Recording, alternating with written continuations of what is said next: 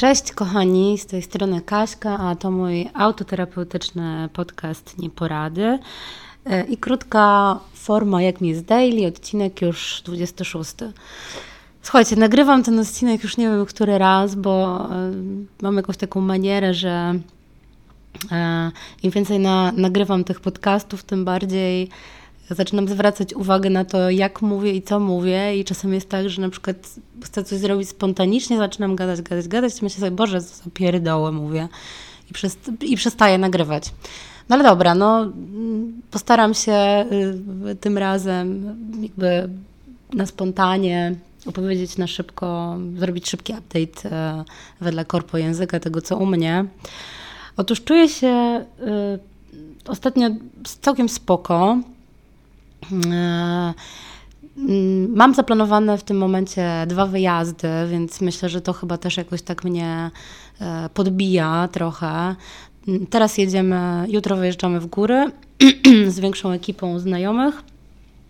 E, no i kupiliśmy, kupiliśmy, słuchajcie, bilety na Zanzibar, więc bardzo, bardzo się cieszę. Wylatujemy 7 lutego bez dziecka, co jest bardzo ważne, bo o ile oczywiście kocham mojego syna nad życie, o tyle no, jest on typem po prostu bardzo, bardzo aktywnym i yy, ja mam świadomość tego, że, że bardzo dużo rodziców y, wyjeżdża z dziećmi i uważa, że to jest oczywiście do zrobienia i to jest takie super.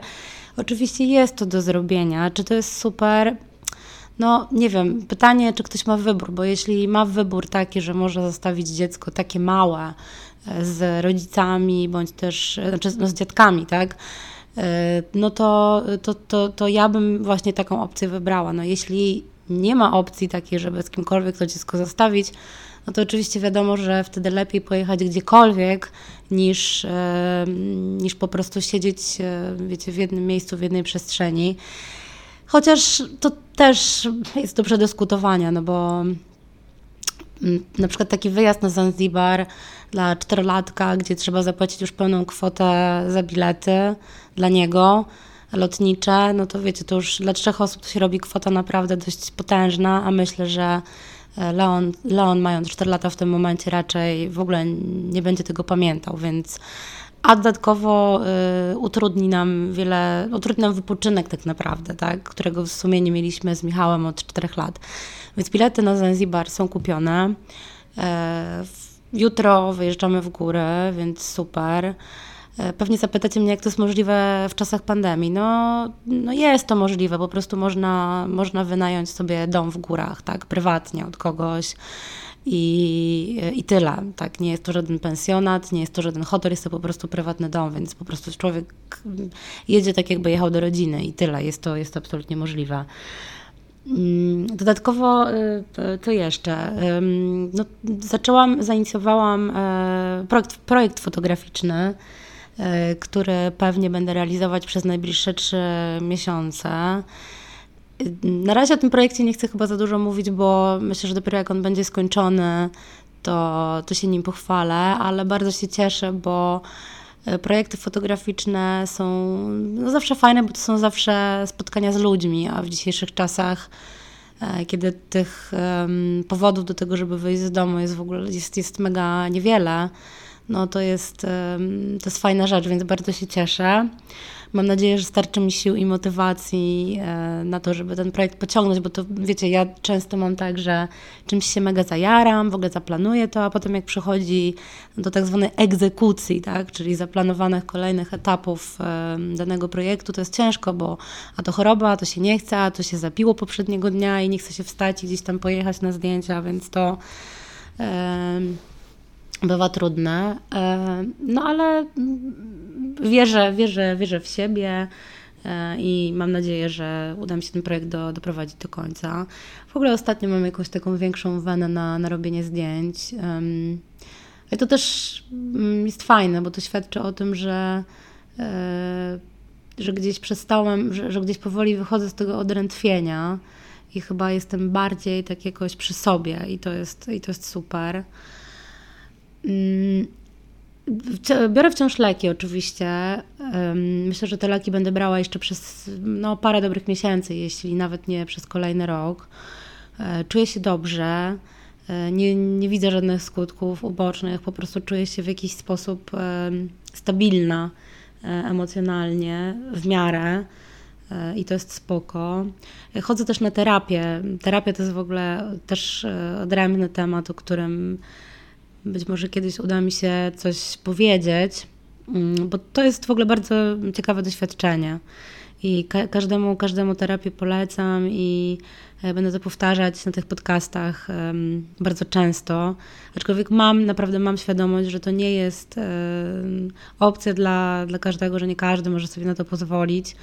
Bo terapia niestety nie jest rzeczą tanią i to trzeba sobie powiedzieć. Niestety żyjemy w takich e, w takim kraju. Zresztą nie wiem, czy w ogóle gdziekolwiek na świecie jest tak, że terapię można e, mieć e, w ramach ubezpieczenia takiego państwowego, chociaż, chociaż nie, kochani, powiem Wam, że można iść na terapię na NFZ e, w Polsce, można. Wystarczy zgłosić się do poradni uzależnień. No tylko pytanie, czy chcecie kombinować, tak, bo jeśli nie jesteście osobami uzależnionymi, E, no to wtedy trzeba by było wymyślić jakąś historyjkę, żeby w ogóle was zakwalifikowali i chcieli was na taką terapię, a potem ryzykujecie też tym, że możecie trafić do jakiegoś terapeuty, który zajmuje się stricte uzależnieniami i zamiast zajmować się w zasadzie waszym problemem i tym, z czym przyszliście, to będzie krążył wokół tematu um, uzależnienia, którego być może wcale nie macie, tak? Miałam taki epizod rzeczywiście w swoim życiu, że kiedyś e, poszłam na NFZ na, na terapię. E, nawet chyba wtedy nie musiałam jakoś ściemniać, bo ja rzeczywiście, znaczy ja nie miałam problemu z uzależnieniem, ale faktycznie, ja, no już nie pamiętam, to było tak dawno temu, to było 10 lat temu. I rzeczywiście chodziłam na NFZ do terapeuty ale ten terapeuta w ogóle kompletnie nie, nie, nie wyczuł tego, z czym ja przyszłam i, i jakoś rzeczywiście próbował mnie skierować na, na te tory e, jakby rozmowy związane z uzależnieniem, a ja zupełnie nie ten problem miałam. Ja wtedy miałam taki problem, że po prostu zostawił mnie chłopak, moja wielka miłość. Zaczęłam brać antydepresanty, to prawda, tak wtedy też i no jakoś nie mogłam sobie sama ze sobą poradzić i to był mój problem, a to, że przy okazji y, zdarzały się jakieś narkotyki, no tak, ale to nie było moje uzależnienie absolutnie. No nieważne, to nie, nie o tym chciałam y, mówić. Więc tak, no, czuję się, czuję się w miarę spoko. No, dodam jeszcze taki mały tutaj element, że drugi tydzień siedzę z Leonem w domu, ponieważ Leon jest chory, ale nie, nie na COVID, tylko przeziębił się. I dla wszystkich tych, którzy tego słuchają e, i mają dzieci, to wiedzą, co to znaczy siedzieć w domu i z dzieckiem i próbować pracować jednocześnie. Akurat teraz jest taka sytuacja, że on ogląda bajki na Netflixie w drugim pokoju no i super, natomiast wiadomo, że nie można też skazać dzieciaka na ileś tam godzin oglądania bajek i wlepiania się w telewizor. No, więc no więc tak to, moi drodzy. E, no dobra, no to co? No to mm, chyba na tyle, jeśli chodzi o mnie. Życzę Wam miłego dnia. Mm. I co? No słyszymy się e, w kolejnym Jak mi jest daily. Pozdrawiam Was serdecznie. Buziaki. Życzę mocy Wam. Pa!